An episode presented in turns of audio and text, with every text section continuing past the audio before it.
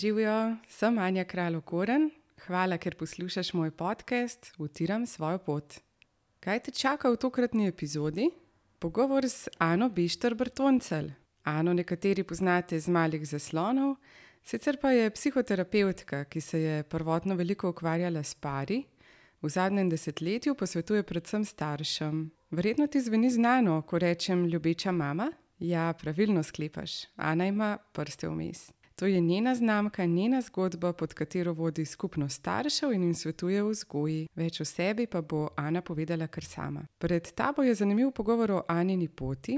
V drugem delu dialoga pa se z Ano pogovarjava predvsem o starševstvu, o izzivih, ki jih starševstvo prinaša in o njihovem reševanju. Zdaj pa skočiva na pogovor.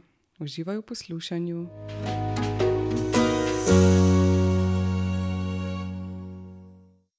Ana, živijo, lepo pozdravljena. Živijo.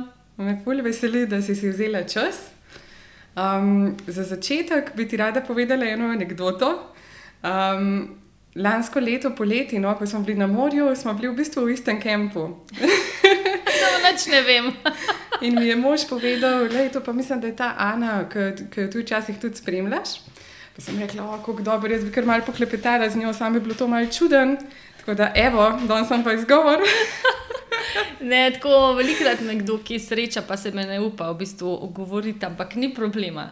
Um, no, jaz tem nimam nobenih težav, edin pa upam, da nisem glih pet minut prej delala kakšne stvari. Tako, ker ne, sem tudi človek, ki če mene stvari res izkušam živeti, sem, sem pa mama, tako kot vse ostale in tudi jaz sem kdaj slabe vole in tudi jaz kdaj sem um, nerazpoložena ali pa nisem nisem najbolj, najbolj ljubeča, vedno do otrok in to tudi javno povem, se pa trudim, ampak meni ni nobenega problema, če me kdo pocuka. Tudi včasih, ko grem recimo v hrib, se je že zgodil, da me je kira mamica ustavila. Um, um, pa rekla, ja, da ste pa vi, ali pa sem pa v vaši skupini, pa mi tako z veseljem poklepetam tudi na morju ali pa na sred hribov. Super, zdaj vemo, zdaj tudi poslušalci vejo. ja, ja, ni problema. Okay. Um, jaz bi ti za začetek rada dala priložnost, da se predstaviš še s svojimi besedami, ker jaz sem te že predstavljala v vodu, ampak vedno se človek malo drugače vidi, kot pa ga nekdo drug lahko predstavi od zunaj. Ha, ne vem, kaj si povedala, vse se tikava. Ne? Ja, ja. ne vem, kaj si povedala v vodu, ampak. Um, ja, neč, jaz sem Ana Brtoncel, imam um, dva otročka z mojim možom, z rokom sva že vrsto let v dolgoletnem partnerskem odnosu. Um, drugače me najbrž eh, poslušalci, poslušalke poznajo po uh, mojem delu, ki ga ustvarjam v zadnjih letih po ljubeči mami. Se pravi, odkar sem mama, to je zdaj več kot 11 let, najraje ustvarjam vsebine za mame. Je pa res, da se zadnje čase malo preusmerjam tudi vsebine za ženske, zato ker moja dva fanta malo odraščata in nastaja ta prostor nazaj tudi za mene. Um, se pravi, ustvarjam tudi vsebine za ljubeče ženske, a ne ta ljubeča se je nekako mene parela. Um, drugače sem pa psihoterapeutka, trenutno delam še eno modaliteto z psihoterapije, vedno bolj se usmerjam v delo s telesom. Prej sem se pogovarjala, da v bistvu me zelo zanima tudi travma. -huh. Ampak predvsem iz tega vidika, kako lahko določene stvari iz telesa spustim, zato da lahko tukaj sedaj živim bolj prisotno, bolj polno, uh -huh. um, bolj zadovoljno življenje. No. Bolj lahkotno, verjetno. Bolj lahkotno, absolutno. Uh -huh. Zanima me predvsem zgodni razvoj, um, ker nekako mislim, da vse, kar v prvih letih doživimo, izkusimo. To nekje v sebi, zopet v telesu, nosimo sabo in doskrat čist nezavedno ponavljamo ene in iste zgodbe, zgolj zato, ker jih ne ozavestimo, pa rečemo, ah, mogoče bi pa lahko tle na mislivo šla desno, zakaj me vedno vleče levo ali pa zakaj me vleče desno. Um, to, drugače imam pa rada adrenalinske stvari. A res? ja. Um, sicer v zadnjih letih, odkar sem mama, sem to malo opustila, pa zdaj počasi nazaj, ne dajem svoje vsakodnevno življenje. Um, potapljala sem se rada, s padalom sem skakala. Res, super. Um, Itak sem tudi prej delala. Um, adrenalinsko oddajo, eni me morda poznajo po oddaji Aventura, uh mhm. -huh. nekateri me poznajo po oddaji Štiri tačke, ker sem vrsto uh mhm. -huh. let delala na televiziji. Tako da mediji me spremljajo že od malih nog, vedno so me pa zanimali odnosi na stoj ne način in to tudi delam zdaj. Super. Hvala za ta uvod. Um, kot si že sama omenila, razne težave se začnejo pri otroštvu, pa ne samo težave, tudi nasplošno neke te osnove, ki nas definirajo, mogoče skozi celo življenje. Pa me zanima, glede na um, tematiko podcasta, utiram svojo pot, kako se je ta tvoja pot začela, kako se spominjaš svojega otroštva. Ja, v bistvu se je moja pot začela ravno v Škofiluki. Jaz sem trenutno šla malo v Škofiluki, ampak me vleče zdaj nazaj v Škofiluko. Škofiluka je pač moj rodni dom je in vedno bo. Um, jaz sem edinka, um, mami pa oči sta imela zelo, zelo, zelo mlada. Aha. Tako da pa v bistvu šele kasneje sem dojela, kaj, kaj to pomeni. Biti tako mlad starš, jaz sem bila precej starejša, ko sem imela svoje otroka, pa se mi je zdelo, da sem še vedno mlada. Um, Koliko ste bila pa stara? Mama je bila 18, oče pa 20. Aha, ok. Torej zelo mlada. Uh mhm. -huh. Kar je seveda pol preneslo tudi določene stvari za sabo. Velikrat smo se selili po Škofiloki, zato ker nismo imeli stanovanja svojega, svojega doma. -huh. um, ampak vedno sta se trudila, da sem, sem imela dom in povezano družino, pa vedno je bil še kakšen kuža ali pa muca zraven. -huh. um, tako da se otroštva spominjam kot nekaj zelo lepega. Ne? Um, in tako kot sem rekla, Škofja Luka je bila vedno moj dom, meni je ful všeč tudi za moje otroke, da lahko živijo v naravi. Mogoče se sploh ne zavedamo, slovenci, kaj to pomeni. Da imamo toliko zelenja, toliko narave, toliko zemlje okrog sebe, toliko mm -hmm. naravnih virov. To smo mogoče šele pri COVID-u dejansko malo ja. zavestali, uh, kaj to pravzaprav pomeni. Ja, in se, pa tudi se mi zdi, da ko se staraš, da vedno bolj opažaš, vsaj sama to vidim presepno. Mhm. Da vedno bolj si usmerjen tudi na vzven, na svet okrog sebe, mogoče se malo mhm. manj ukvarjaš na nek način s sabo. Um, tako, zdi se mi iz svoje izkušnje, no, da vedno bolj vidim, recimo, tako če že letni časi, kako se spremenjajo take stvari. In da si malo bolj hvaležen, res mogoče tudi um, za to, kje živiš. Sva pa zdaj obe škofijo loke. Ja. Jaz sem pa priseljena v škofijo loko in vedno tako rada poudarjam, da sem ločanka, ker se res dobro počutim tukaj. Tako da se mi zdi eno tako res lepo okolje tudi za otroke. Mhm. Ja, vrci, šole, okolje, lepo narava. Tako da mislim, da tudi zelo prijazni ljudje, kar, ja, kar ja. je pomembno. Se pravi, narava in meni se zdi pomembno, in to sta mi starša porozgojila, lep odnos do narave in lep odnos do ljudi in lep odnos do živali. Kdaj te je pa psihologija začela zanimati, oziroma človek? A se spomniš tega momenta, si bila odnegdaj tako, da so te te stvari zanimale, mogoče odnosi ali pa? Jaz mislim, da sem s tem enim talentom zato kar rojena. Um, vedno so me zanimali odnosi, že od nekdaj, že v osnovni šoli se spomnim, da sem izba, izbrala izbirni predmet psihologija. To je bilo meni tako logično. A to ste imeli v osnovni šoli že možno? Ne, mogoče ne, oprosti, v srednji, srednji šoli. Aha. V osnovni šoli me je pa zelo zanimala biologija. Torej, biologija in psihologija sta bila dva predmeta, ki sta bila meni, ja, to, to, pa ali pa dolg noč, pa pa vse ostalo. Um, in pa sem tudi razmišljala, da bi šla študirati psihologijo pa nekako me je pot zanesla drugam. Uh mhm. -huh. Na koncu sem prstala na sociologiji, uh mhm. -huh. ampak um, potem sem pa šla študirati še psihoterapijo, ker vidim, da me ne zanima samo dogajanje znotraj torej psiha, ampak prav ta povezava med osebnimi odnosi. In v bistvu šele v zadnjih desetih, petnajstih letih prihajajo ven določene raziskave, predvsem neuroznanstvenikov, ki jih vem, 20 let nazaj še niti ni bilo um, kako je pravzaprav pomemben odnos za to, kakšen je posameznik. Aha, kako to vpliva v bistvu tudi na tvoj verjetno razvoj? Celoten razvoj, na razvoj možganov, to uh -huh. so v bistvu ugotovili, um, odkar lahko raziskujejo možgane, pa žučni sistem malo bolj detaljno, uh -huh. da pravzaprav. Odnos, recimo, z mamo, ne yeah. Ja. meni je zelo ta odnos uh, pač pomemben, čeprav so očki absolutno zelo pomembni, ampak da v prvih letih življenja odnos z mamo dejansko fizično gradi um, strukturo možganov otroka. Če je varen na en način, in če ni varen na drug način. Zdaj smo vse mame, po mojem, eh, in tako smo pogotnili, ker smo se ja. začeli zavedati odgovornosti, ki jo v resnici imamo. Ne? Je tako, po eni ja. strani, ker res velika odgovornost, um, vse vemo, da je, ampak zelo velika odgovornost, ampak hkrati tudi privilegij, ne, na, ja. če gledam na ta način. Ker si rekla, kater moment je bil. Um, jaz sem v bistvu od vedno zelo dobro tudi znala nekako brati ljudi. Uh -huh. ne. Meni so bile situacije po odnosi tako jasne. Pa sem vedno mislila, da je to vsem jasno. Sam sem pa ugotovila, da ni čistko. Um, vedno sem vedela, kdo je bil koga zaljubljen, kdo je bil kjer mu všeč. Um, kot da bi na enem nivoju začutila tudi ne samo vedenje, ampak to eno energijo, neko uh -huh. privlačnost. In sem pa tudi delala diplomsko nalogo, um, neverbalna komunikacija in medosebna privlačnost. Aha. To je bila diplomska naloga, magistrska naloga je pa bila um, prav ti vzorci navazovanja na mamo uh -huh. uh, in kako to vpliva na kasnejše življenje človeka. Uh mhm. -huh. In se spomnim, v, na fakulteti sem dobila pred sabo en članek od Johna Bulbija, on je avtor teorije navezanosti. Uh mhm. -huh. In ko sem jaz ta članek prebrala, sem rekla, to je to.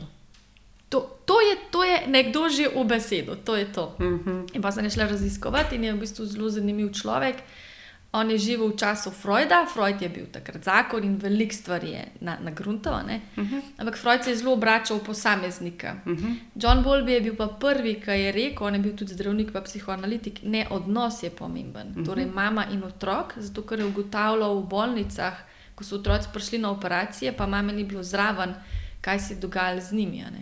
In njemu se moramo zahvaliti, da danes lahko mame gremo v bolnico z otrokom.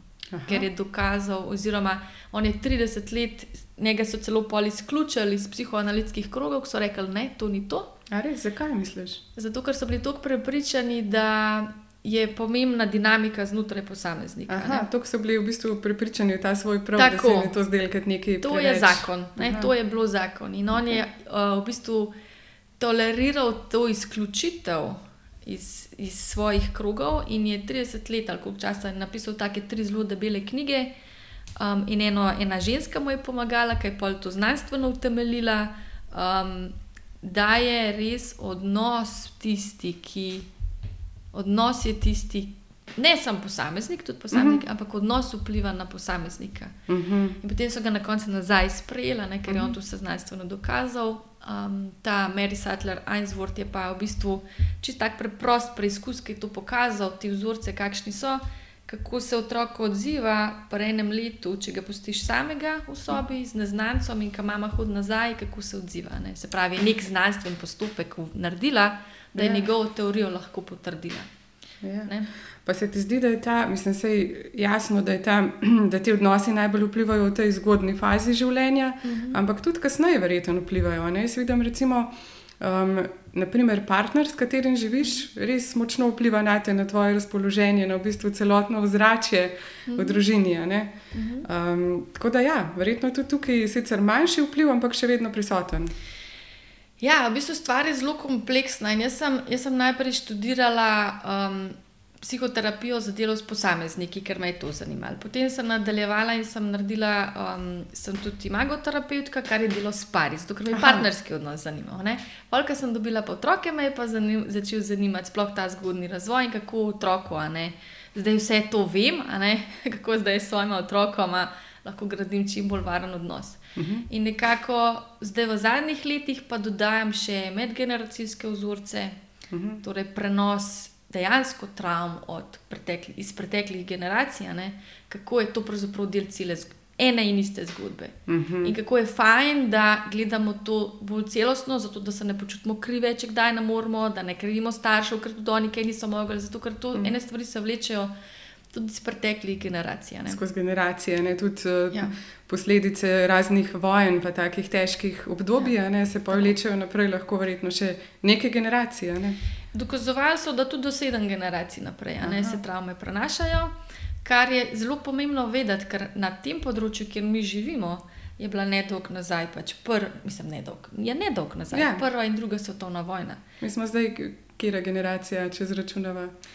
Moji stari starši, se pravi, moja babica in moj dedek sta bila uh, majhna, ko je bila vojna. Torej, torej, ja. torej ne, ne tako dolgo nazaj. S tem, da um, Jaz sem bila že v telesu moje babice, uh mhm. -huh. kar pomeni, da ko je bila ona nosiča z mojo mami, hčerka ima, ko, se, ko je v trebuhu mame, se že naredijo jajčniki in jajčica. Aha. Se pravi, sem jaz bila že v telesu moje babice. Aha. In to ni nepomemben podatek. Ja, to ja. pomeni, čez fizično smo bile, uh, bile povezane. Ne samo, ne samo um, potem tudi prenos vseh njenih zgodb na nek način na mojo mami, in potem kasneje uh -huh. tudi na mene. Prej, ki si omenila partnerski odnos. V uh -huh. bistvu nekako tako zelo poenostavljeno je to nekako tako. Ne? Zakaj je pomemben zgodni razvoj? Zakaj je ta del tako pomemben in zakaj prav, da o tem govorimo? Ne, joj, kaj zdaj nisem vse naredila, ker moja otroka sta tudi starejša, pač ta zgodni razvoj je mimo. Uh -huh. Zato, da kot družba razumemo to in da mogoče skozi eno, dve, tri naslednje generacije razumemo pomembnost tega zgodnega razvoja. Uh -huh. Ne samo od rojstva naprej, tudi v času, ko je otroček še v maternici, torej prenatalno obdobje, je ful pomembno. Zato je pomembno, da podpremo nosičnice, uh mhm. -huh. da imajo čim bolj mirno, varno okolje. Ja. Ne? Uh -huh. ne, ni vedno tako. Tudi življenje prenese razne šoke, razne pretrese, travme, ampak da razumemo, kaj to prenese in da imamo orodja to sprostiti. Uh mhm. -huh. Samo to je v bistvu, ne? Pomem, mislim, ne samo to je pomembno, ampak pomembno, da razumemo, da se vse da za celt. Ja, ja. Da se vse da narediti ta reper, popravek, samo moramo vedeti, kaj se dogaja in kaj narediti, da določene stvari sprostimo. Pa tudi se mi zdi, da včasih si pa že tako obremenjen z nekimi temi stvarmi, ki jih veš. Da te ja. včasih še večji stres spravlja, takrat, ja. ko pride življenje in veš, da ne moreš ja. biti 100%. Se mi zdi, da je tudi pomembno, da bi tako sočuten do sebe, da si lahko rečeš, da je v redu, je zdaj nisem bila optimalna, mm. ampak vem pa, da bom jutri naredila to, pa to, da bo drugače. Ali pa čez deset let. Mm -hmm.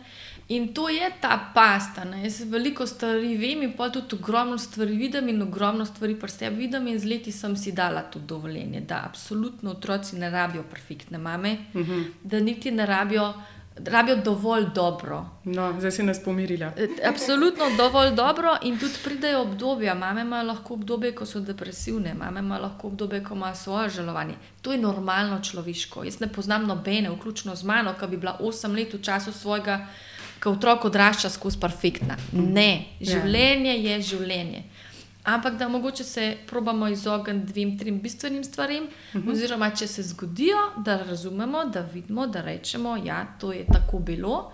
Mogoče je bila tudi neka šola. Uh -huh. ne?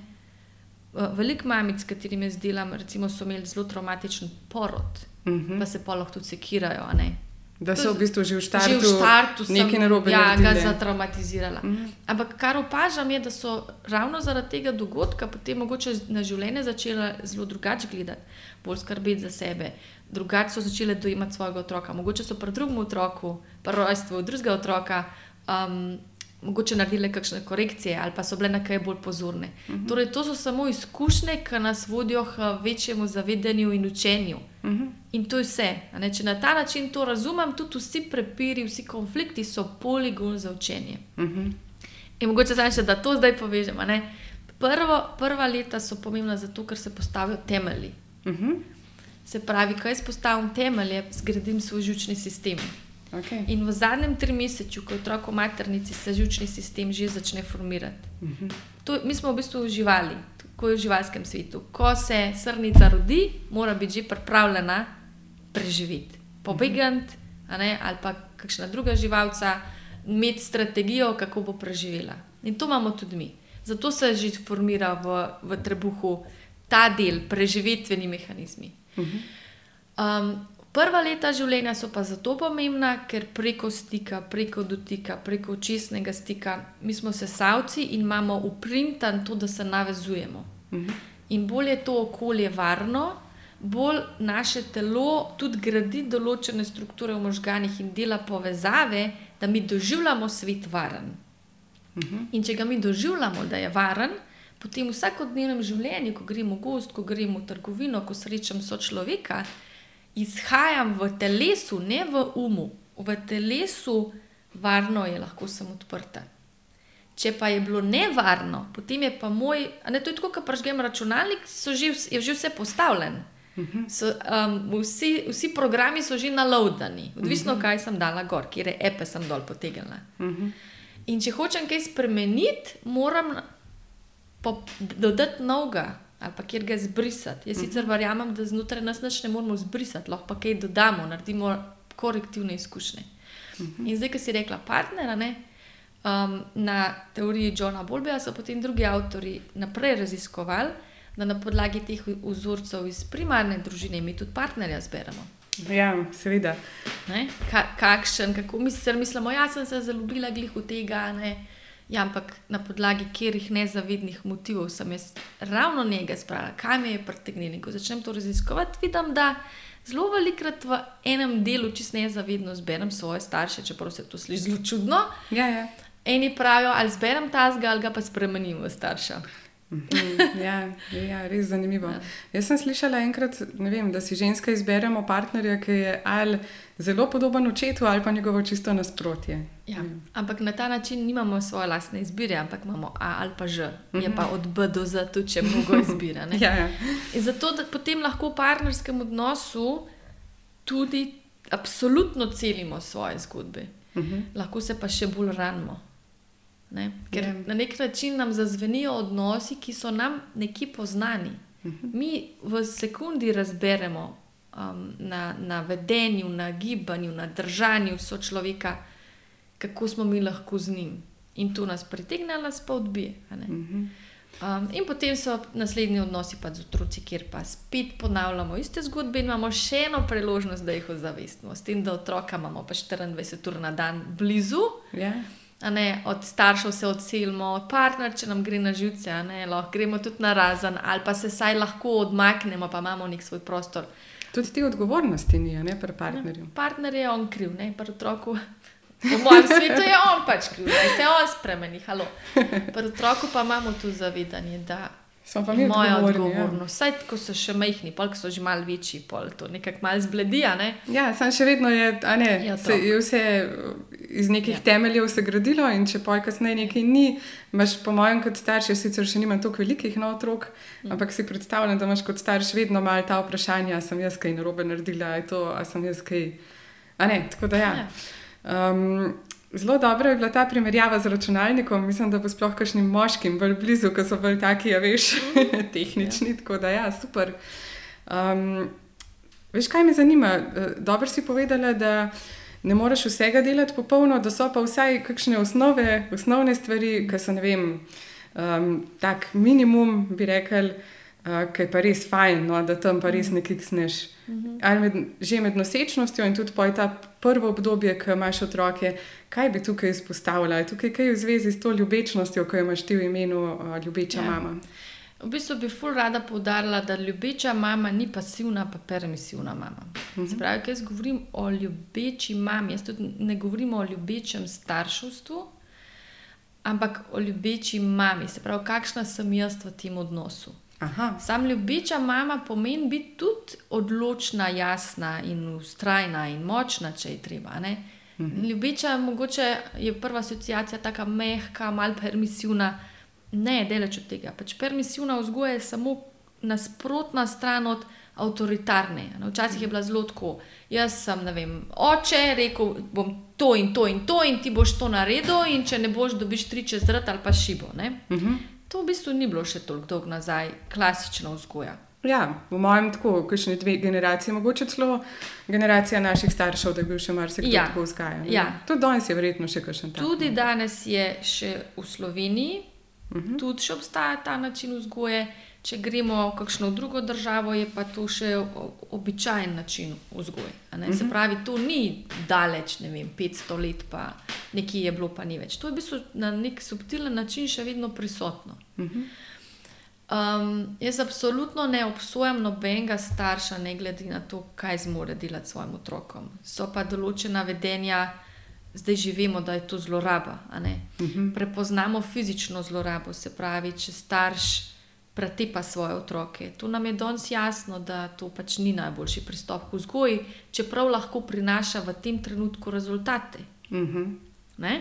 Ampak, prej sem govorila o tem, kaj uprintamo vase pa v svoj žučni sistem, tak starš je za otroka nevaren starš. Uh mhm. -huh.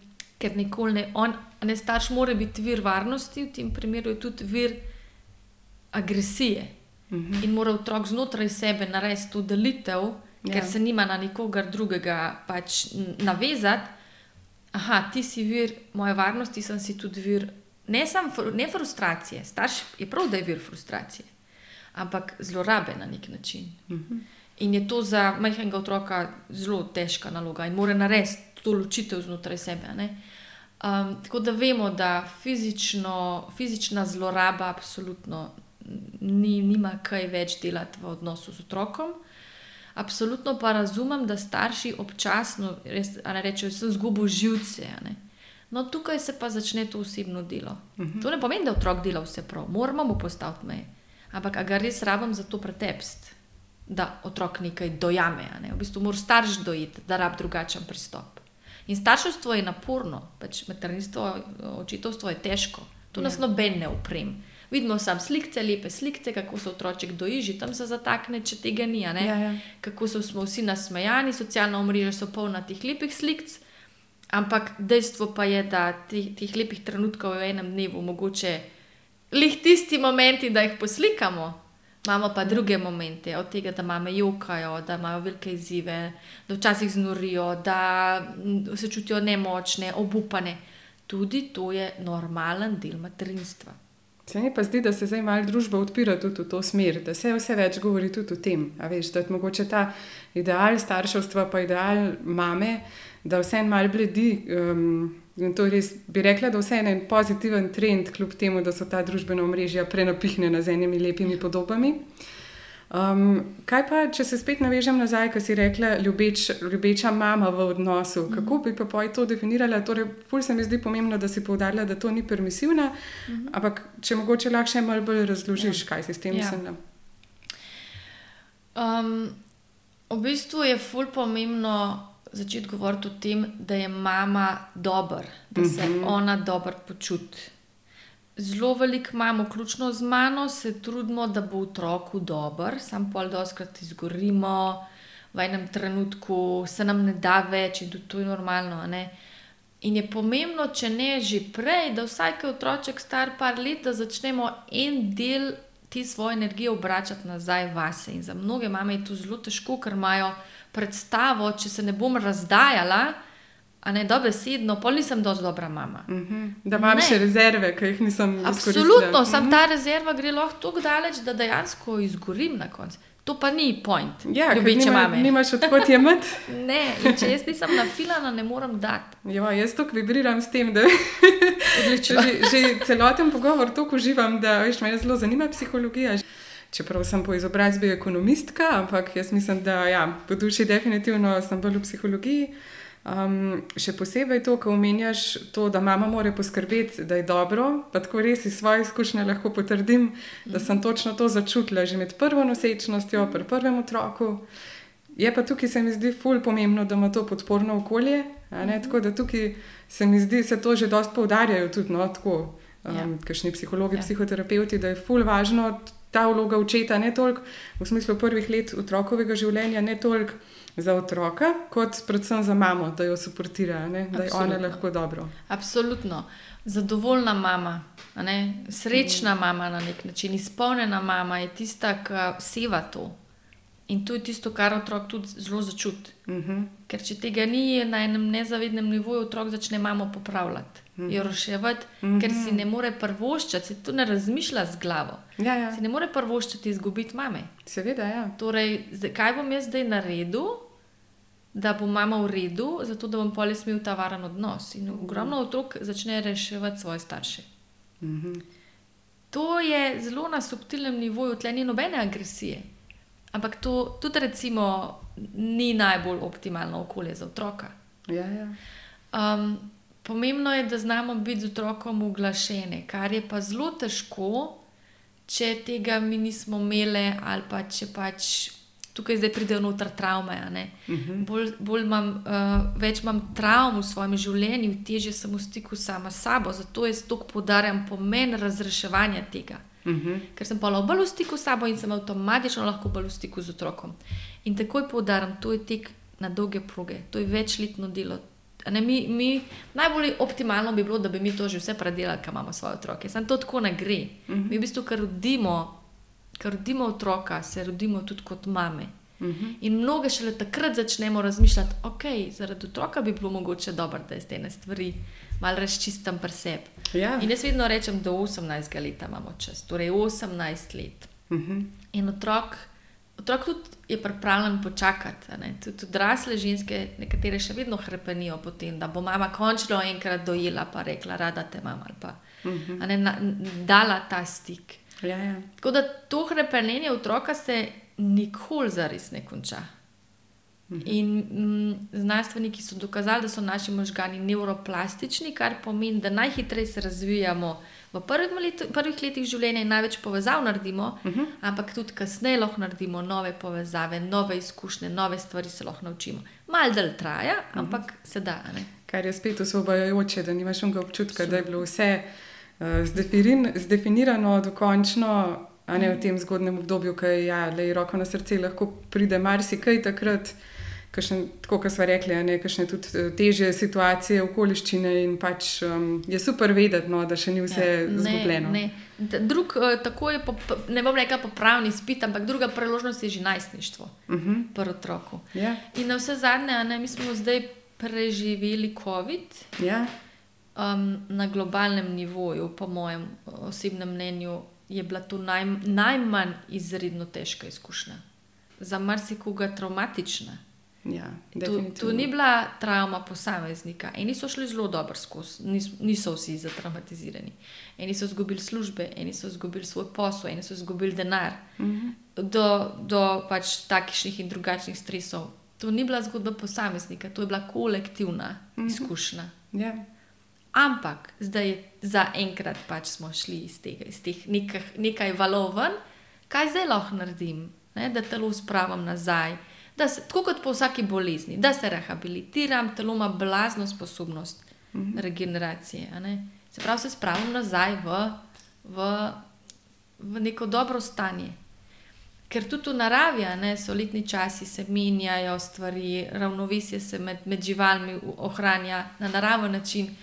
In tako kot je bilo, je, jaz vedno rečem, tako kot je bilo, je mogel biti.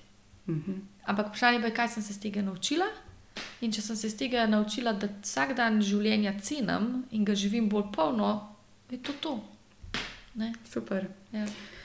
Prej si dobro um, tudi omenila to, da um, otroci vidijo mamo in jo poskušajo rešiti, kadar je ona slabo. Mm. To se mi zdi eden največjih izzivov starševstva v resnici, um, ker iz svoje izkušnje no, se mi zdi, da, mm. Da se trudiš za otroke, ne, da probaš biti res čim boljši, ampak ne, um, eno je, ko ti. Govoriš vnaprej pripravljene stvari, ali pa recimo hočeš kazati eno plat sebe, a ne v otroku. Um, on pa vidi vse, vidi tudi Absolutno. tisto, kar a ne, tudi v dni, ki se ti ne vem.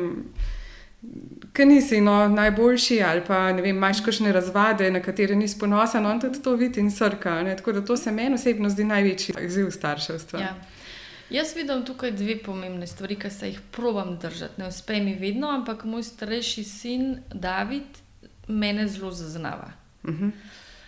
Tudi ta mlajši, sem ta velik, mi tudi tako zelo jasno to skomunic- skomunicira, nič kaj dosti ne zadržuje zase. ne. In včasih sem mu jaz kakšne stvari hotela skriti, Uh -huh. on jih je začutil Uh -huh. in sem se v bistvu pri njemu naučila, kako je pomembno, da sem jaz avtentična. Uh -huh. Torej, ne da se trudim, da sem jaz skozi dober, ker nisem. Ja, ja. Ampak recimo ravno zadnjič, mi da imamo take nava, tako navado, da velikokrat greva sama na sprehod in tam debatirava zelo, take debate imamo, ne klasične za, za mamo in um, še ne 12-letnika, ampak ker vidim, da ga določene stvari zanimajo, odnosi in tako naprej in veliko stvari vidi in zaznava in pa si neke svoje predstave naredi, pa pol mal debatira. Uh -huh. In mi je enkrat rekel, mami, a si danes malo žalostna? In meni tako že iz ust leti, da, da, da ne, da ne, a ne. Ampak ker sem se ujela, da vem, da on veliko stvari čuti, sem ga vprašala, kako pa ti to zdaj zaznavaš, čutiš. Uh -huh. In mi je povedal, da pač vidi in čuti in tako naprej. In pa sem v bistvu zaznala, da ima prav. Da se mogoče nisi zavedala tega. Da se sploh nisem Ja, ja. zavedala, da en del je v redu, ampak en del pa dejansko čutim neko žalost. Uh -huh. Se pravi, da ne delamo dveh stvari, da jim ne prikrivamo, Okay. zato ker otrok, kaj je tukaj izziv? Otrok začut, mama mu reče, ni res in on ne verjame sebi. Uh -huh.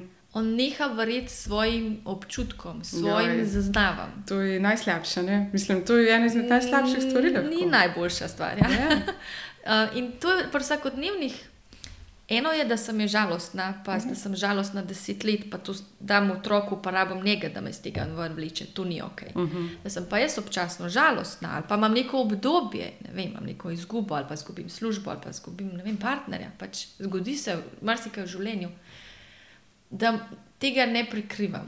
Uh -huh. Torej, če otrok čuti, da sem jaz žalostna v njegovem svetu, to je resnica. Če mu jaz stokrat rečem, da ni res. Uh -huh. In recimo to sem jaz imela mali izzivov, zato ker Jaz sem ekstra senzitivna in ful stvari zaznam, včasih zaznam tudi, to sem pol ugotovila, stvari, ki jih nekdo na drugi strani nima še sploh ozaveščenih. Mhm. Ne čudi, da je žalosten, jaz pa to lahko čutim. Ja, ja. In pol sem, nisem se vrila, valjda, če mi nekdo reče, da to ni res, se to se v njegovem telesu dogaja, pol imam jaz narobe. Mhm. In sem dolg časa rabila, da sem si začela nazaj zaupati, da čutim določene stvari, ki jih mogoče nekdo drug ne. In Ja. sem s tem jaz ok.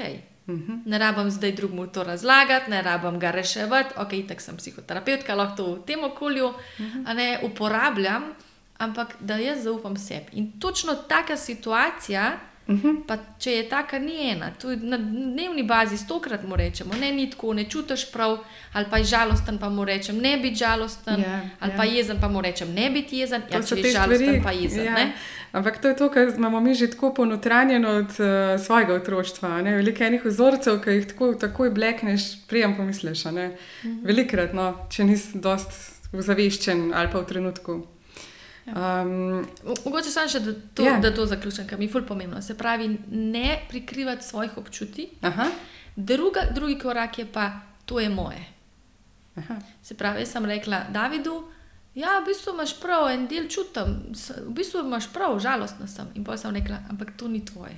ja, ja. To bom jaz uredila. Uh -huh, Jaz, bom, jaz bom poskrbela zase, uh -huh. ti si otrok, ti se igraš. Aha, super, ja. In se mi zdi, da se včasih pol tudi eh, ne gre čisto v realnem življenju tako, ampak da ima vsaj informacijo. Uh -huh. Ti se s tem ne rabiš ukvarjati, ker to res ni tvoje. ja, ja. To je moje. ja.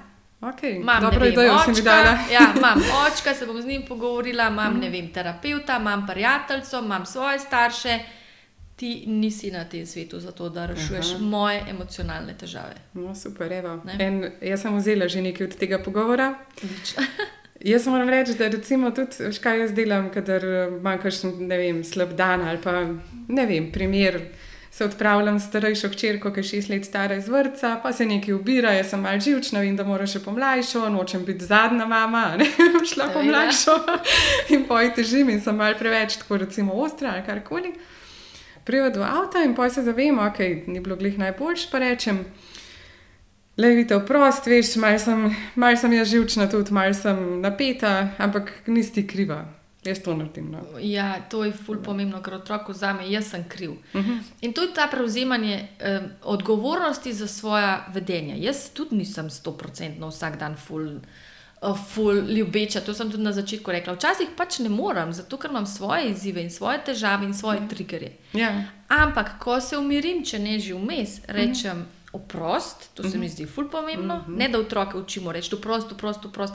On se bo upravičil, ko bo to čutil, če bo tudi dobil upravičilo z naše strani. Ker bo spet vzel nas za en model, kako Tako se je. treba obnašati. Absolutno. Mm -hmm. In če bo iskreno, in jaz rečem, David, ali pa ta drug, ta mlajši je dan, rečem, le oprost. Uh -huh. To, kar sta vidva delala, res ni ok. Naprimer. ja. Ampak kako sem pa jaz reagirala v tej situaciji, to je pa moje in tudi ni bilo ok. uh -huh. Dajmo najti rešitev, ker zdaj tudi sta starejša, pa lahko se že malo več pomenimo. Za naslednjič. Uh -huh. To ne pomeni, da bomo naslednjič pol to uspeli narediti, zaradi tega, ker eno je, da vem, uh -huh. drugo je pa, je, da jaz to lahko naredim. Uh -huh. A Ne, informacija je v drugem delu možganov, kot če imam neko intenzivno emocijo, je ta močnejša od mojega videnja. ja, ja. In zato jaz lahko vem in to tudi učim, kaj je prav, samo včasih bom jaz vseeno reagirala po svojem vzorcu. Uh -huh. In pol se lahko tudi pogovarjam, kako si ti to doživel, kako, zakaj sem jaz zdaj ne, v bistvu ven padla. Ne zato, ker si se ti obirala, ampak zato, ker vem, da je treba iti po mlajšo hčerko, pa nočem, da je ta zadnja, pa nočem, da ima občutek, da je zapuščena Ja, in ja, tako ja, naprej. ja. Ampak če to besedam, je več jasnosti. ja, res je. Um, ja, eh, lažje si otrok razloži ne, celotno situacijo. Kako pa gledaš, recimo, ko smo se glih tega dotaknili, na te tihe maše, veš, kam imajo kakšne mame, da, se, Um, da so jezne ja. in se ne pogovarjajo par dni in so pasivno-agresivne na ta način. To je v bistvu njihov najboljši način za reševanje situacije. Aha. Zato absolutno nobene mame ne obsojam. Pač jaz pa zelo veliko delam z odraslimi, ne, sploh z odraslimi ženskami. In pač izkušnja vedno znova je, da otrok to doživi kot um, prekinitev stika. Mhm. Se pravi, mama hoče z tem, da je tiho nekaj povedati, ne? Mhm. ampak v bistvu otrok, otroka odreže iz kontakta.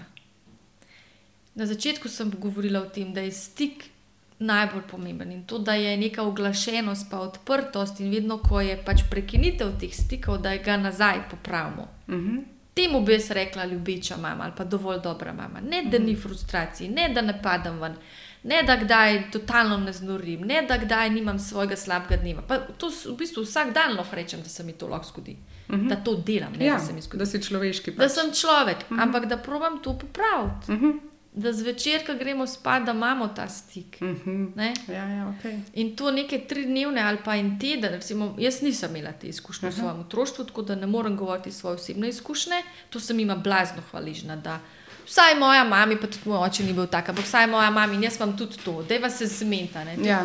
Recimo, jaz če že povzdignem glas, da bi bila pa tri dni tiho, to pa ja, moj sistem ne zmore. Ne? Ja, ja, naporno je. Ne? kako ne bom tiho, jaz se hočem zmeti. Pač drugače sem Se hočeš izra Ja. izraziti, da si ti tudi boljša. Ni? Sem Um, vsaj jaz. No. To je, ja, to je moj način. Če stresam, manj sem boljša. Mm Mhm. -hmm. Ampak tak sistem, ne, taka mama je pa boljš, če poteg, se potegne vase in je tiho.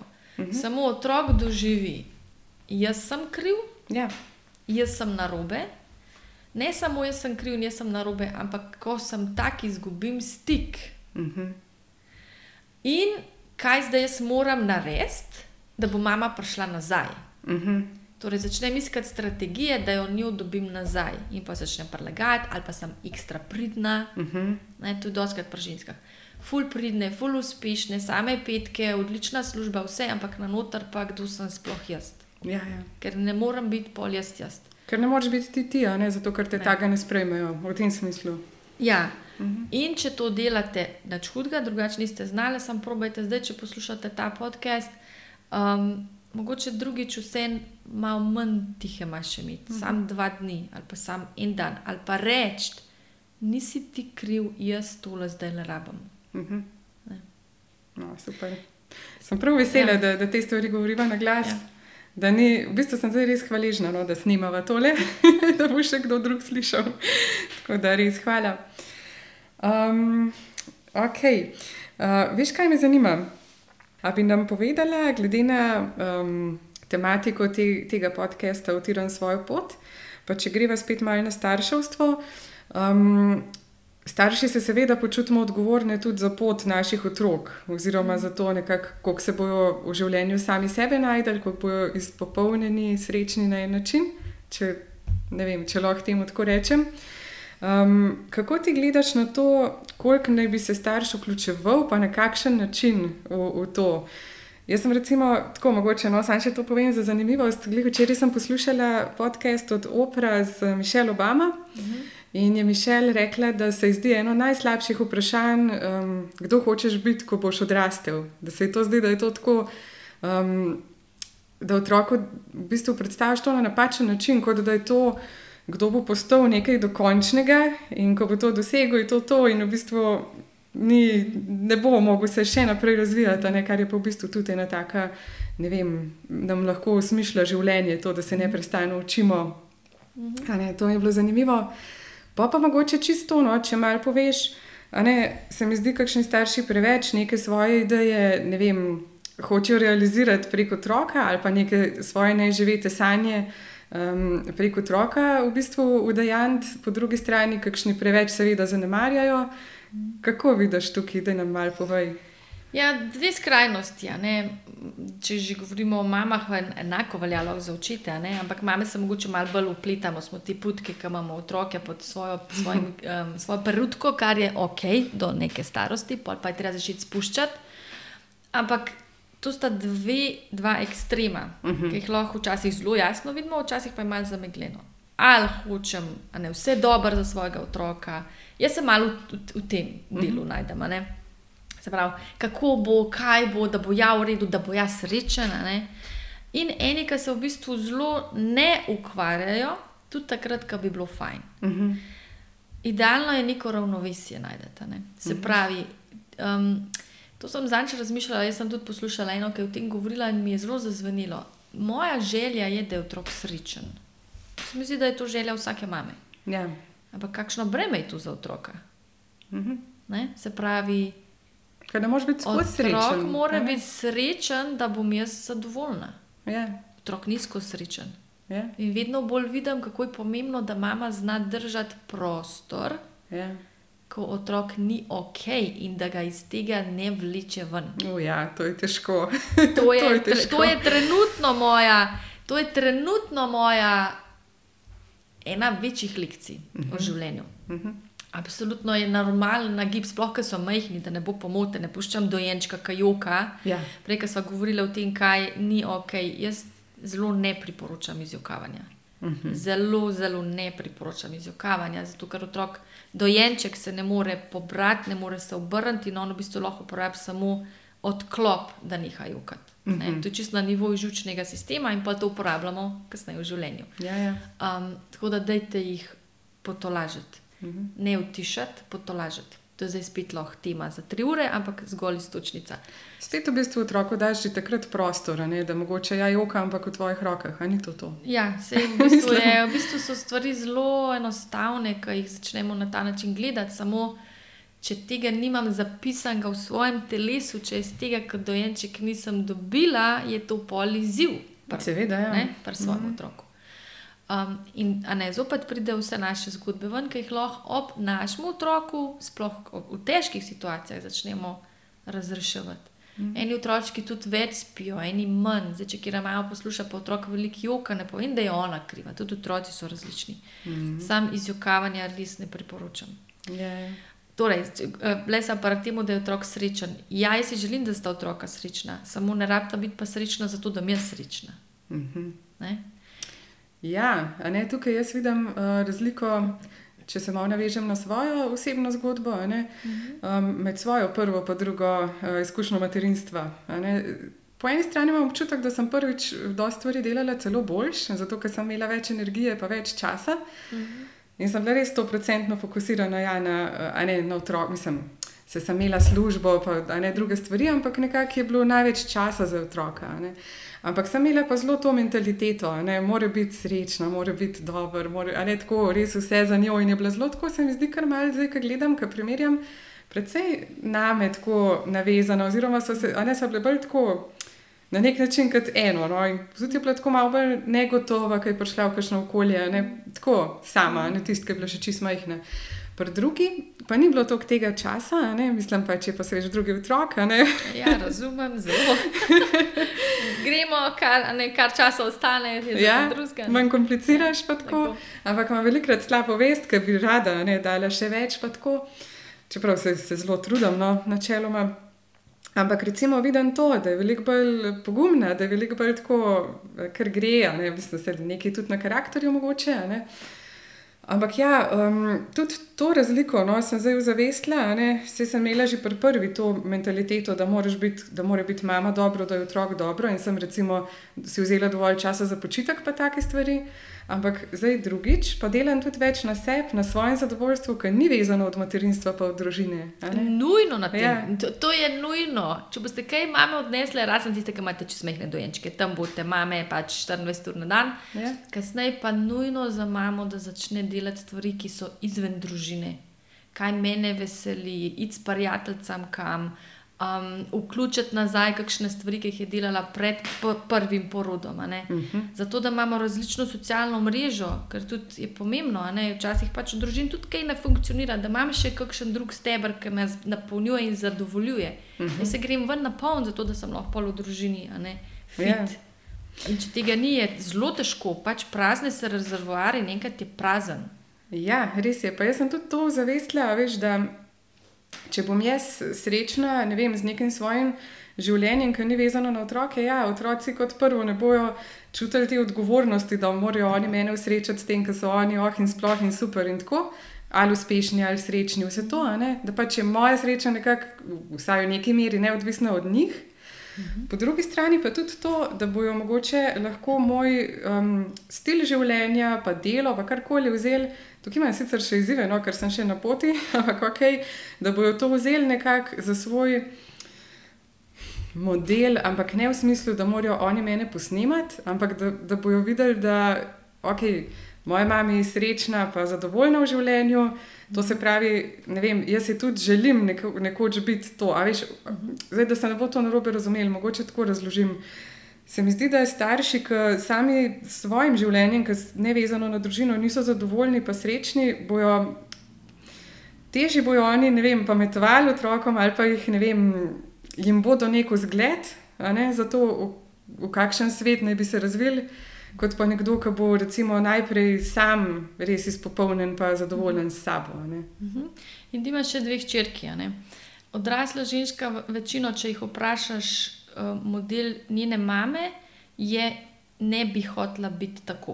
Uh mhm. -huh. Torej, nočem cele dneve delati, sam ja. za družino se zgarati, ne imeti nobenega svojega življenja. In problem je, da nima, pa, pa vprašam, kaj pa želiš, ja, to pa ne vem. Uh -huh. ne? Uh -huh. In točno to, mama, ki ima neke svoje hobije, to zdaj ne pomeni, a ne druga skrajnost je pa, da ni nad otrokom, pa da ima samo hobije. Ja, ja. Pa ravnovesje. Mm -hmm. Ma nekaj svojih hobijev, ima nekaj, kar jo razveseljuje, kar jo usrečuje. Mm -hmm. Enostavno daješ hčerki model, da je to dovoljeno, da lahko sledim svojim sanjam. Jaz lahko svojih hčerki stokrat rečem, jaz sem sicer dva fanta, veš, moraš slediti svojim sanjam, moraš slediti svojim sanjam. A jaz ne živim tega mm. in sem nesrečna ona dobiva dvojna sporočila. Točno to sem imela v mislih. Ja. Ja, ja. Tako da mama, ki pač polka so, ne otročki, mal, saj že par let. Jaz sem tle, ker dolg čas rabila, da sem prišla do tega, ne? ni treba čakati, zdaj, da so vem, 15 let stari. Um, enostavno dam model, kako lahko ženska funkcionira v, mhm. v tem svetu. Kar je tudi pomembno pri vzgoju sinov, da jih ne navadiš. Tudi. Jaz sem ženska, tista, ki je pravila, ne vem, gospodinstvo, kako pravila. Naprimer, zdaj sem dala en primer. No. Ali pa to, da absolutno, si ne dovoli živeti svojih sanj. Absolutno. Meni je bilo dano imeti dva fanta. Uh -huh. uh, čeprav učim mame, kako vzgajati svoje otroke, in um, zdaj se vedno bolj preusmerjam tudi na to, kako ne, prihaja puberteta in odnos do ženske, do telesa. Do, do cikličnosti in tako naprej. In so me mame že zelo me potiskale v to, da naj naredim kakšne delavnice za mame in hčerke. Uh mhm. -huh. In pa sem jim rekla, ok, ampak jaz nimam hčerke, ne? jaz imam dva fanta. Tako da me življenje po neki, neki zanimivi poti pelje, ampak ravno, ravno tako, kot si rekla. Ne?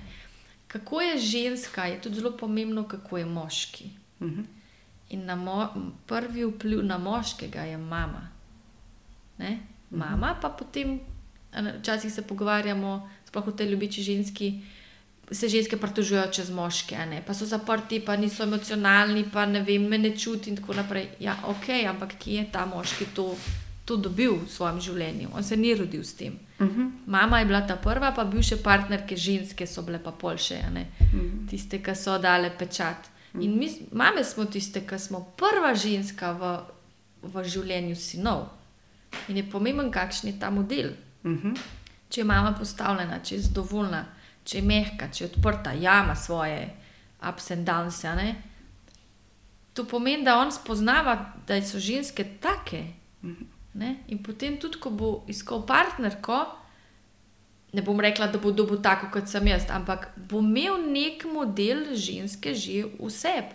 A znam biti mehka, znam biti nižna, se znam dotakniti, a sem zelo hladna. Um, In zopet bom res podarila, ogromno odraslih moških so želeli, ko so bili otroci, osrečati svojo mamo. Uh mhm. -huh. In to je za fantka nemogoča naloga, on ni za, za to na tem svetu. Ampak nekje spodaj je, če nisem mogel mame, bom pa vsaj svojo ženo. Aha. In potem dobi ženo, ki se stalno pritožuje in je nesrečna, ker se ne zna sama sabo ukvarjati. Ja, ja. In podoživlja to stalno frustracijo nisem dovolj dober. Uh -huh. Občutek nemoči. Ne uh -huh. morem nekoga, ki mi največ na svetu pomeni, osrečati. Uh -huh. Zato, ker mene ne more nobeno srečati, jaz lahko sam sama za sebe poskrbim. Lahko pa pa to srečo deliva med sabo. Ja, ja. Tako kot ti poslušam, se mi zdi, kako se da veliko enih stvari, še vse tako odrasli dobi v partnerstvu, pa v starševstvu zavestiti, pa popraviti. Tudi, ne, tako kot smo že štar, v štartu pogovora rekli. Kako pa se ti zdi, da je to še vedno en tabu? Se mi zdi, da, veš, da mogoče individualno ni več tak tabu, da hodiš recimo na psihoterapijo, ampak se mi pa zdi, ne vem, pa boš ti povedala, kam imaš izkušnje, da, da pari pa se bolj takrat res odločijo, kaj je že, vem, zakon ali pa partnerstvo na nitki, kaj ja, je res že ja. zadnji vlak. Ja, jaz mislim, da se v zadnjih 20 letih, jaz v bistvu to že 20 let dejansko delam um, s posamezniki, pa s pari, pa s skupinami v različnih obdobjih, z enimi bolj kot z drugimi, ampak ravno materinstvo se mi zdi edina vloga, kjer mame želimo že preventivno prej nekaj narediti. Uh. -huh. Sprav, rodim, že prej se ukvarjam, aha, kako bom rodila. Pred, pred, vsaj moja izkušnja je bila taka. Pred porodom sem se ukvarjala samo s tem do poroda, kje bom rodila, kako bom rodila, in tako naprej. Pa mogoče še malo dojenje. Pa ja, je ja. to za nami, kljukca, ok, kaj pa zdaj. Uvajanje hrane. Uvajanje hrane, pol pa malo že vzgoja, pa tako naprej. In to je edina vloga, kjer mame pridejo po, po, po neke ideje, po neke ne, modele, kaj kako spremeniti, tudi če še ne škripa. Aha, ne? Ja. Partnerstvo pa zelo redko. Torej, partnerske terapije skoraj vedno redno pridejo pari. Obstajajo sicer tudi skupine za pare, kjer prideš ne, bolj preventivno, ampak načeloma na individualne pridejo redno pari, ko hiša že gori. Uh -huh. Jaz mhm. dam ta primer. Uh mhm. -huh. In najprej treba pogasiti požar kaj je zdaj to, lahko je tretja oseba, lahko so odvisnosti. Uh mhm. -huh. lah, odvisnost je lahko tudi to, da skozi delam. Uh mhm. -huh. Ja, ja. to je pogosto, verjetno. Pri moških, ampak odvisnost pri ženskah je pa, da sem sama mama. Mislim, ne morem to zdaj dati ravno pod kategorijo odvisnosti, ampak okay. zato, da nisem Beg, ja, izhod, zato, da nisem partnerka, imam v bistvu družbeno za zelo zaželjen in opravičljiv razlog. Mm -hmm. Jaz sem 24 ur na dan mama in se vidiš, sem, kar je res, utrujena, zmatrana, malo pobruhana. Od, od, um, ja, to je vloga, ki je meni zelo velika vrednota. Sam je pa fajn tudi videti, če je to tudi malo bek iz partnerskega odnosa. Mm -hmm. In ko pari pridajo, ne, jaz veliko delam tudi na preventivi, se pravi, kako reševati konflikte, ko niso že toliko veliki, da že vse gori. Mm -hmm. In iz primarne družine prenesemo tudi model, kako reševati konflikte. In zdaj, če je bila tiha Maša tri dni, pol imam dve opciji, imam jih več, ampak ali bom tudi jaz, pač, ko bo konflikt s partnerjem, tri dni tiho, ker drugače ne znam. Uh mhm. -huh. Ali bom pa šla stalno, naredila vse, da ne bo te tišine. Se pravi, kako jaz rešujem konflikte v partnerskem odnosu, je zelo, zelo, zelo povezano s tem, kaj sem jaz kot model videla pri svojih starših. Yeah. In kaj smo ponavadi videli, ali da je bila tišina, ali pa da je bila totalna katastrofa. Mm -hmm. Se mhm. pravi, ni bil konflikt, ampak je bil ne, lahko kričanje, lahko grožnja, da se bomo cel, lahko grožnja z ločitvijo, lahko razbijanje krožnikov. In ogromno odraslih ima na konflikt totalno negativno asociacijo. Ja, res je. Ja. Pa to sploh ni res. Mm -hmm. Če jaz hočem iti v pizzerijo, ti pa hočeš iti v vem, kitajsko restauracijo, to je konflikt. Mm -hmm. ja. V vsakodnevnem življenju ni dveh ljudi, še dvojčki ne doživljajo stvari isto. Ampak zdaj, kako se bo pa mi dve zmenili, kam greva, no to je pa reševanje konfliktov. Mm -hmm. In če imajo otroci model, aha, starša sta se zdaj skregala, ampak sta se usedla, pa zmenila, pa gremo zdaj naprej. Mm -hmm. Doživijo, mislim, takih družin je malo, ampak se da. Mm -hmm. Doživijo, aha, pa se sta se zmedla. Ja, res je. Ja. Čeprav je pa zanimivo, Spet, ja, marsikaj ti jasno, mislim, dobro, vse tako, kot si rekla, skregaš se, ne, se to je po mojem nekaj čisto običajnega, pa prav, ne, ker v bistvu, če bi se pa skozi izogibal konfliktom, pa da bo ja vse ok, pa da na otroke enkrat videl, da se ti tudi kregaš, To je pa tudi tudi konflikt, nekaj ne. ni, a ne. To je konflikt, ki se ga pa zelo čuti v ozračju, Ja, ja, rečemo energiji. To je Ja. nerazrešen konflikt, ki je zelo problematičen. Zato je zelo toksično, ne? in za Zelo onega, ki toksično. zadržuje, ki v bistvu Ja. prej se samo bo verjetno poznali na zdravju, in za otroka, ki je tudi mogoče čuti verjetno eno to zadušljivost, da, da ni Ja. te pritočnosti. No, pač. Zopet dvojno sporočilo. Nekaj ni v redu, pač slona imamo v sobi, ampak o tem se noben ne pogovarja. Ja, ja. Čuda nekaj je, ampak v bistvu ne načni. Ne. Ja. Zopet je nejasno. Ja, zanimivo. Ja. To so kar take kompleksne, večplastne stvari. Absolutno. In partnerski terapeuti so polni, trenutno. Mhm. Ja, Psihoterapeuti smo polni, kar pomeni, da ljudje že aktivno iščejo. In v zadnjih 10-15 letih se je to zelo detabuiziralo. ja. Nisi več Super. Nor, če greš k psihoterapeutu, ampak ne, v bistvu grem tako kot, ne, če se bi mi pokvaril avto, pa ne bi hotla iti k mehaniku, uh Mhm. -huh. ker bi me bilo sram, bi ga doma popravljala. ja seveda, ja. nima smisla. Ne. Ne, pa dejansko vidiš, ne, zdaj se mi zdi super, veš, ko so tudi razne vsebine na internetu že tudi brezplačno dostopne. Ja. Tudi če ne greš recimo takoj do terapeuta, ne, da recimo še en ta umestni korak, da kakšne informacije tako najdeš, naprimer primer. Veš, ta psihologija, za, bo, kako je že pozitivna psihologija za boljše življenje, ki imajo te um, predavanja ne, online. Kaj takega se mi zdi super, ker slišiš kakšno informacijo, pa rečeš, ah, ok, mogoče bi pa mi dva lahko tako probala. Ne? In vidiš pa na tem primeru, da v bistvu se da marsikaj um, tudi preventivno narediti, ali pa takrat, ko še ni čista katastrofa. Ne? In se mi zdi res, ja. Ampak tako, zanimivo mi je to.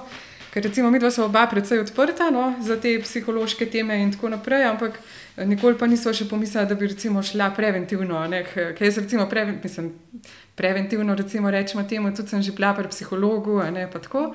Uh, ampak da bi pa recimo prav šla eh, kot par preventivno k terapeutu, pa mislim, da še ni, mislim, saj mi dva nimava tega tako še. Uh, Mislim, se ne mislim preventivno, da nas sva full v redu, pa zdaj greva. To, to po moje, prvič niti časa, niti denarja za to ne bi dala. Ja. Ampak ko so, ko so konflikti, ko so že neke teme, ki se vlečejo pet let, Ja. ja. pa jih nikakor ne moramo razrešiti, a res raba čakati še 15 let. Ja, ja, ok. Ne? Ampak, veš, kaj vidim večkrat izzivno, vsaj kot se pogovarjam s prijateljem, da moški imajo večji odpor. Vsaj v mojih prijateljskih krogih, tiste, ki imajo neke res že dalj časa trajajoče konflikte, kako zdaj njega prepričati. On noče iti. Ja, to je bila tudi moja zgodba. Tako da um, ponavadi na delavnicah, kjer pridejo pari, je tako, a ne prvi krok, včasih, kako to da sta tle in ona reče, jaz sem hotla in on reče. Jaz sem bil privlečen na to, in pol ona reče, jaz sem tudi hotla, in on reče, jaz tudi nisem hotel. In pol ona reče, jaz sem tudi, a ne tako, gremo po parih in pol se sporazumemo, da ženske smo jih na nek način sem privlekle in moški so zdaj tle zato, pač, ker so v enem momentu popustili. Ampak pol se pa doskrat zgodi, ko moški vidijo point v tem, pa lahko tudi hitrejše naredijo korake naprej. ne. Um, doskrat moški razume, koliko. Ne, včasih ženska reče, še le zdaj pa se jaz ločujem, dobesedno. a ne.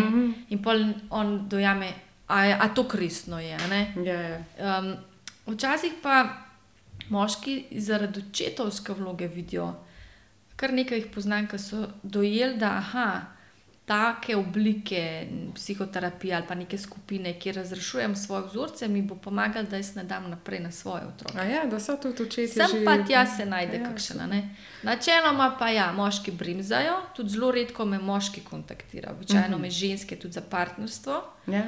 Um, in tudi tukaj se spreminjajo, no, se spreminjajo ti vzorci. Načeloma pa, ko dobijo izkušnjo, predvsem kaj je pomembno, da ko, vsaj za moje pojme, ko pride par k psihoterapevtki, pomeni, da sta dve ženske proti enemu moškemu. Aha, ja. In imajo veliko krat predstavo, da zdaj bo tam še ena, že žena mi najeda cele dni, ja, zdaj bom še plačal eno, da mi bo še ena tam najedala. Mislim, logično, zakaj bi šel to. Ne? Ja. Ampak terapeut ne sme biti nikakor ne na eni ali na drugi. Aha. strani. Aha. In da pač to je moj, kako jaz delam. Jaz dam prostor in vodim, da se med sabo povežeta in zmenta, in jaz sem taka, da dajem ta prostor. Uh -huh. In ko moški dobi to izkušnjo, da v bistvu mu nič nočem, ampak mu celo pomagam, Ja, da lahko lažje razume ženo in da tudi ona lahko sploh sliši njega, pol se mal v bistvu ta percepcija spremeni, ker dojame, da v bistvu je to dobro za njiju, ja. ni zdaj tle dve proti ena. Ne. Ja, veš, kaj se meni tudi zdi, recimo, um, potencial, da, da moški, recimo, um, tako kot si rekla, ki vidite ene rezultate, zadevo sprejme.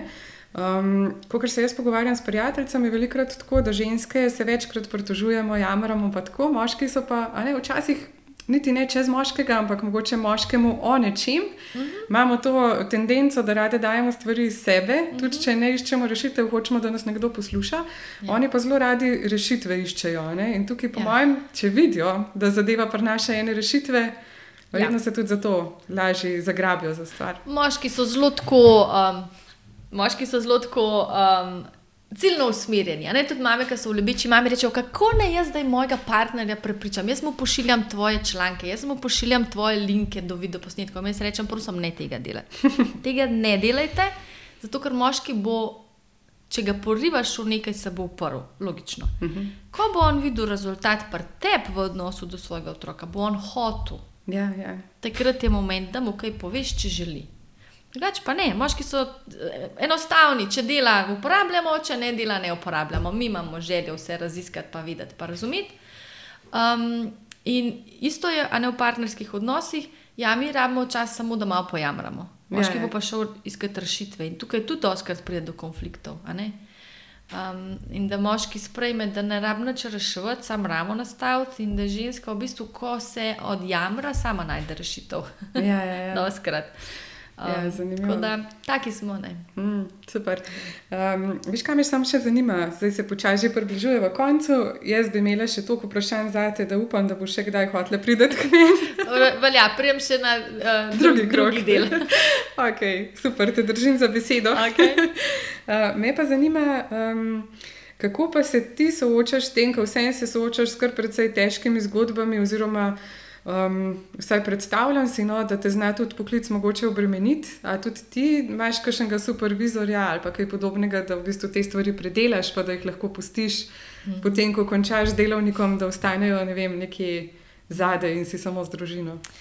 Absolutno ja, sploh ko je prišel COVID. Um, jaz imam pač uh, skupino Ljubeča mama in noter je ogromno mamic, in imam tudi par kolegic, ki pomagajo. In eh, terapevtki. In ko je prišel COVID, z njihove strani sem jim napisala mail, bomo zdaj mame še bolj podprle, ja, ja, ja, in pol par ni nikjer nobene.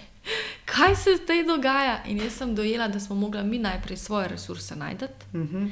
da smo lahko pol dejansko držali ogromno skupino mam. Uh -huh. Koliko pa In- je zdaj teh mam? noter Ja, v, jaz imam različne skupine, v enih imam okrog 400, Aha, ok. na enih v bistvu pomagamo v vsakodnevnih izzivih, um, karkoli jih pač zanima. To je kar velika številka. Ja. O, ja, ogromna. Ne? In če nimam svojih resursov, se izpraznem.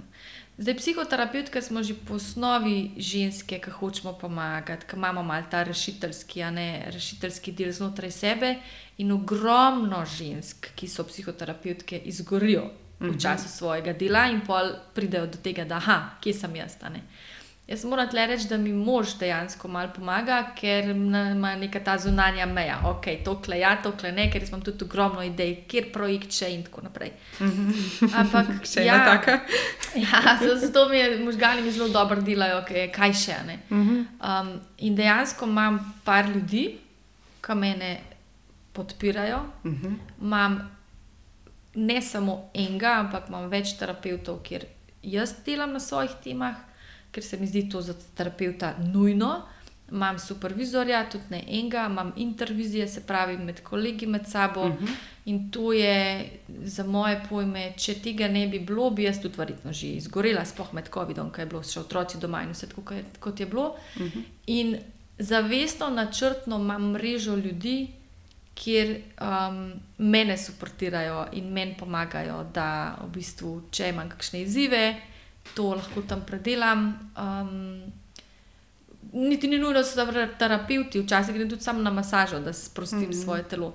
Brez tega ne morem delati to, kar delam. Ej, tukaj lahko super povežemo celoten krog, ki si rekla, da um, mama mora biti dobro, da lahko daje naprej otrokom, in ja. tudi terapeut mora biti dobro, ne, da lahko daje naprej v bistvu svojim, ne, kako temu rečeš, varovancem?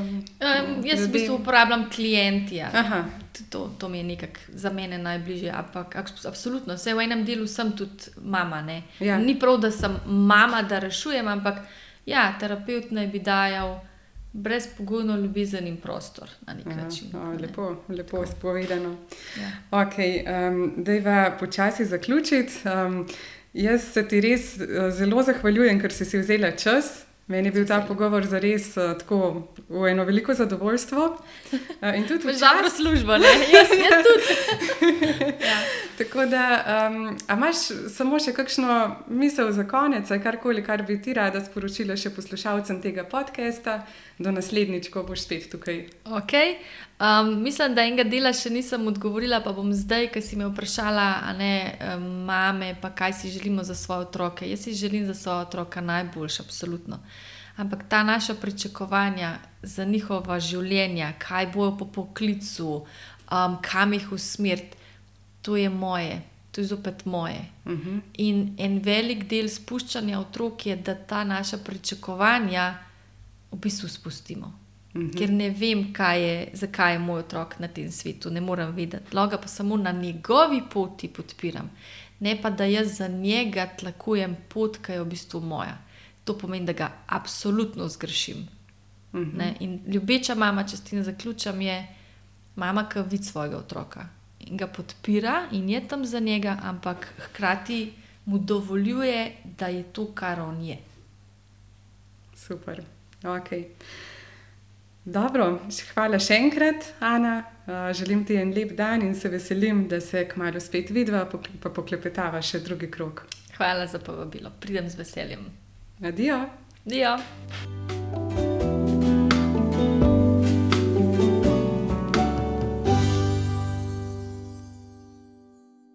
Pogovor z Ano je bil zame osebno zakladnica koristnih strokovno podprtih informacij ki jih bom lahko zagotovo preizkusila vsak dan.